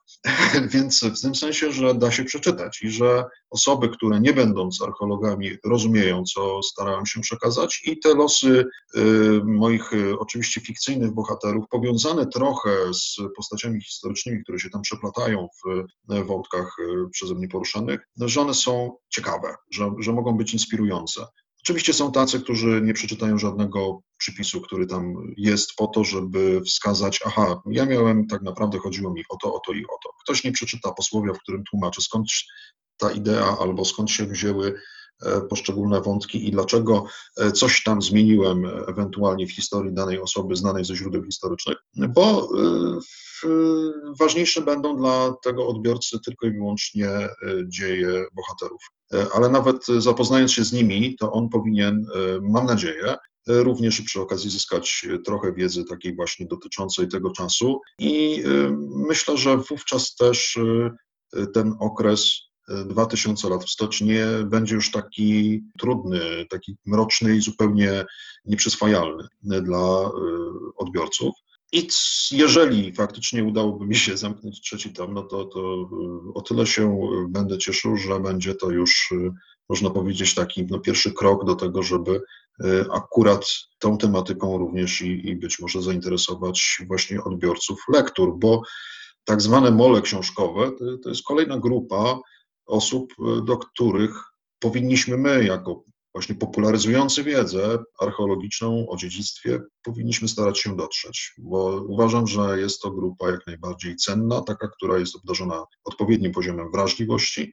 No i jeżeli zamierzamy cokolwiek zmienić w tym naszym statusie, i tutaj mówię i muzealnym, i naukowym, e, i, i zmienić rozumienie w ogóle znaczenia nauki e, w, w Polsce, E, a już e, zmienić znaczenie nauki tak mało przydatnej jak archeologia zwłaszcza, to, pozornie, to sądzę... Pozornie. No właśnie, pozornie, oczywiście, to dla nas, pozor, dla, dla nas e, jest to, jest to aksjomat, dla człowieka z zewnątrz, wytłumaczenie mu, co ma z archeologii jest nawet dla nas też dosyć trudne czasami. Jeżeli już mamy tam szereg tych doświadczeń związanych właśnie z popularyzacją, no to wówczas jest to trochę łatwiejsze. I co jest też ważne, nawet jeżeli ci ludzie od samego początku nie próbują zgłębić y, jakichś y, już informacji, które nam by się wydawały być najważniejsze, to to następuje z czasem. I tutaj mam takie doświadczenie z bardzo fajną, sympatyczną rodziną z południowej części naszego regionu, która się zainteresowała współpracą z nami no, Pływa już praktycznie 10 lat tak, od tego momentu. I y, rodzina, która przyjeżdżała najpierw z 12-letnią dziewczynką, teraz już y, studentką, da, na różne nasze wydarzenia, nie była za bardzo zainteresowana samym, samą kwintesencją, czyli tym, co z kolei dla nas wydawało się najważniejsze, no bo skoro przyjeżdżają na przykład faktycznie na Demarki Świętokrzyskie, no to wypadałoby, żeby no, byli zainteresowani e, samym, e, samym procesem, no, żeby wiedzieć, na czym polega to, to clue, wokół którego e, cała reszta otoczka się, się kręci. Również i ta otoczka związana właśnie z prezentacją życia codziennego i innych, innych elementów kulturowych, które, które tak poprzyklejały się, można powiedzieć, do projektu Człowiek i Żelazo w pierwszych wiekach naszej ery, który realizujemy. I y, y, okazuje się, że ta identyfikacja przyszła z czasem i na tyle okazała się być lepszym rozwiązaniem, że nie było to od razu, że, że oni nie, nie, nie pragnęli od razu się z, w jakiś sposób sprząc, tylko po pewnym dopiero okresie takiego, można powiedzieć, oswojenia, e, próbując swoich sił w różnych innych rzemiosłach i zajmując się de facto rekonstrukcją również innych rzemiosł, e, nie mając e, ani jakiejś obszernej wiedzy historycznej, bo, bo to są osoby akurat z, z innych zawodów, no to powiem szczerze, uważam, że nawet jeżeli w tych wewnętrznych naszych spotkaniach udaje się pozyskać właśnie tego typu osoby, które później w rozmowach chociażby ze swoimi znajomymi, e, z rodziną będą przekazywać dalej te, te jakieś iskierki, no to wówczas też i możemy liczyć, że zrozumienie dla takiej właśnie wydawałoby się pozornie mało przydatnej archeologii będzie lepsze. To są rzeczywiście znakomite pomysły i e, no, podziwiam tą, to Twoje zaangażowanie w tego typu sprawy. Widzę też choćby po mojej córce, jak ważne jest e, pobudzanie wyobraźni i poprzez to pobudzanie wyobraźni, które się odbywa choćby poprzez te aktywności rekonstrukcyjne, czy, czy literaturę, o której mówiłeś, którą także sam, sam tworzysz, no jest bardzo ważne i trafia do tych e, ludzi, do młodych ludzi szczególnie w sposób, do dzieci też, do młodych ludzi, do młodzieży trafia w sposób e, wyjątkowy i to jest, e, to jest ta nadzieja, jeśli będziemy tego typu aktywności pielęgnować i starać się naukę w ten sposób, różne dyscypliny nauki w ten sposób prze, prze, przekazywać, że ten stosunek ludzi do nauki, ten stosunek ludzi do, do badań naukowych, także w takich właśnie dyscyplinach, które pozornie nie wydają się tak przydatne jak praca nad szczepionkami czy, czy jeszcze innymi rzeczami, no oczywiście to, to jest oczywiste, różnica, co do czego służy i co w jaki sposób przekłada się na nasze życie, ale no choćby te dyscypliny y, historyczne przecież odgrywają bardzo ważną rolę w naszej świadomości, w naszej wiedzy o tym, skąd przyszliśmy, mówiąc górnolotnie, i, i też muszą być w odpowiedni sposób obecne w naszym myśleniu o, o nauce, edukacji i tym wszystkim. Bardzo Ci dziękuję. No, mógłbym słuchać jeszcze bardzo długo tych Twoich opowieści, bo, bo słucha się ich fantastycznie. Mam nadzieję, że, że te wszystkie plany i projekty uda się zrealizować. Może jeszcze jakbyś w dwóch zdaniach dosłownie powiedział o jakiejś, no teraz oczywiście muzea są zamknięte zapewne dla zwiedzających i, i, to wszystko działa zupełnie inaczej, ale czy jest jakaś ostatnia taka aktywność muzeum, którym kierujesz, którą warto byłoby e, naszym słuchaczom e, zasygnalizować? Znaczy ja myślę, że y, udało się właśnie też ze względu na specyfikę tego czasu, w którym funkcjonujemy, no tutaj byliśmy na to troszeczkę skazani, uruchomić trochę bardziej właśnie segment edukacyjny w działalności muzeum. Y, no niestety, na początku, w momencie, kiedy, kiedy nastąpił pierwszy lockdown, no to też y, no ten segment nam całkowicie, można powiedzieć, padł. Potem troszeczkę go zaczęliśmy odbudowywać, również w formie y, takich spotkań plenerowych, co się udało dwukrotnie. No, y, nie mieliśmy w, w, przypadku pierwszego akurat spotkania szczęście do pogody, ale też było to trochę zabawne doświadczenie, bo, bo tych zaledwie tam nastu zwiedzających, którzy pomimo tego, że deszcz lał wtedy potwornie, pojawiło się u nas, no to kilkoro dzieci razem z rodzicami nie, nie pozostało, pozostało aż do samej 18 na, na krzemionkach, pomimo tego, że, że to były warunki wyjątkowo takie, można powiedzieć, trudne. I to jest z kolei efekt pewnego głodu, akurat młodej części naszego społeczeństwa do, do takich no, innego rodzaju kontaktów.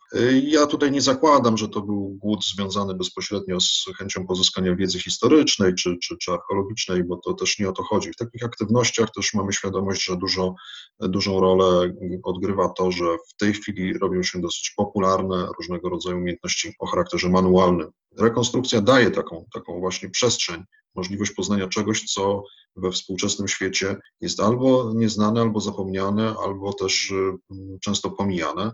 I, i to z kolei popularność szeregu właśnie oferujących informacje o, takich aktywnościach kanałów na YouTubie no, no, poświadcza, że, że ten żywy kontakt jest potrzebny. E, I to myślę, że, że ta aktywność właśnie edukacyjna, ona powinna trwać to nie jest tylko i wyłącznie jakiś wyjątek, mm, jeśli myślimy o moim muzeum, bo to szereg, szereg muzeów realizuje to na swój sposób, ale no tak trochę na zachętę, bo mamy nadzieję na to, że już bez żadnych niespodzianek zakończymy realizację projektów z końcem kwietnia tego roku, w tym również e, wystawy głównej na Krzemionkach, która będzie z jednej strony właśnie taka troszeczkę interaktywna, z drugiej strony edukacyjna.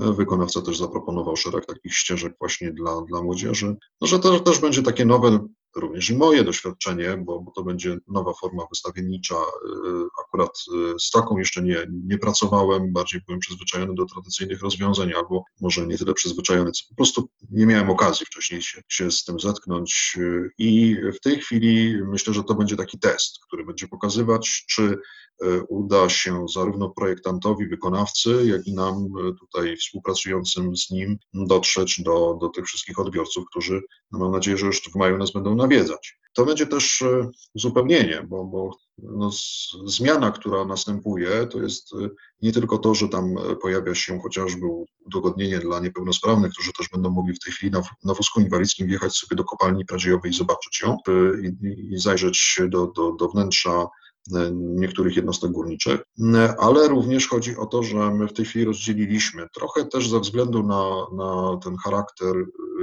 samego wpisu na listę światowego dziedzictwa, prezentację zabytku E, od rekonstrukcji. Bo jak ktoś pamięta krzemionki sprzed lat, to tam między innymi e, pamięta różnego rodzaju dziwnych górników, którzy w różnych etapach powstawania ekspozycji na terenie trasy turystycznej podziemnej tam się pojawiali.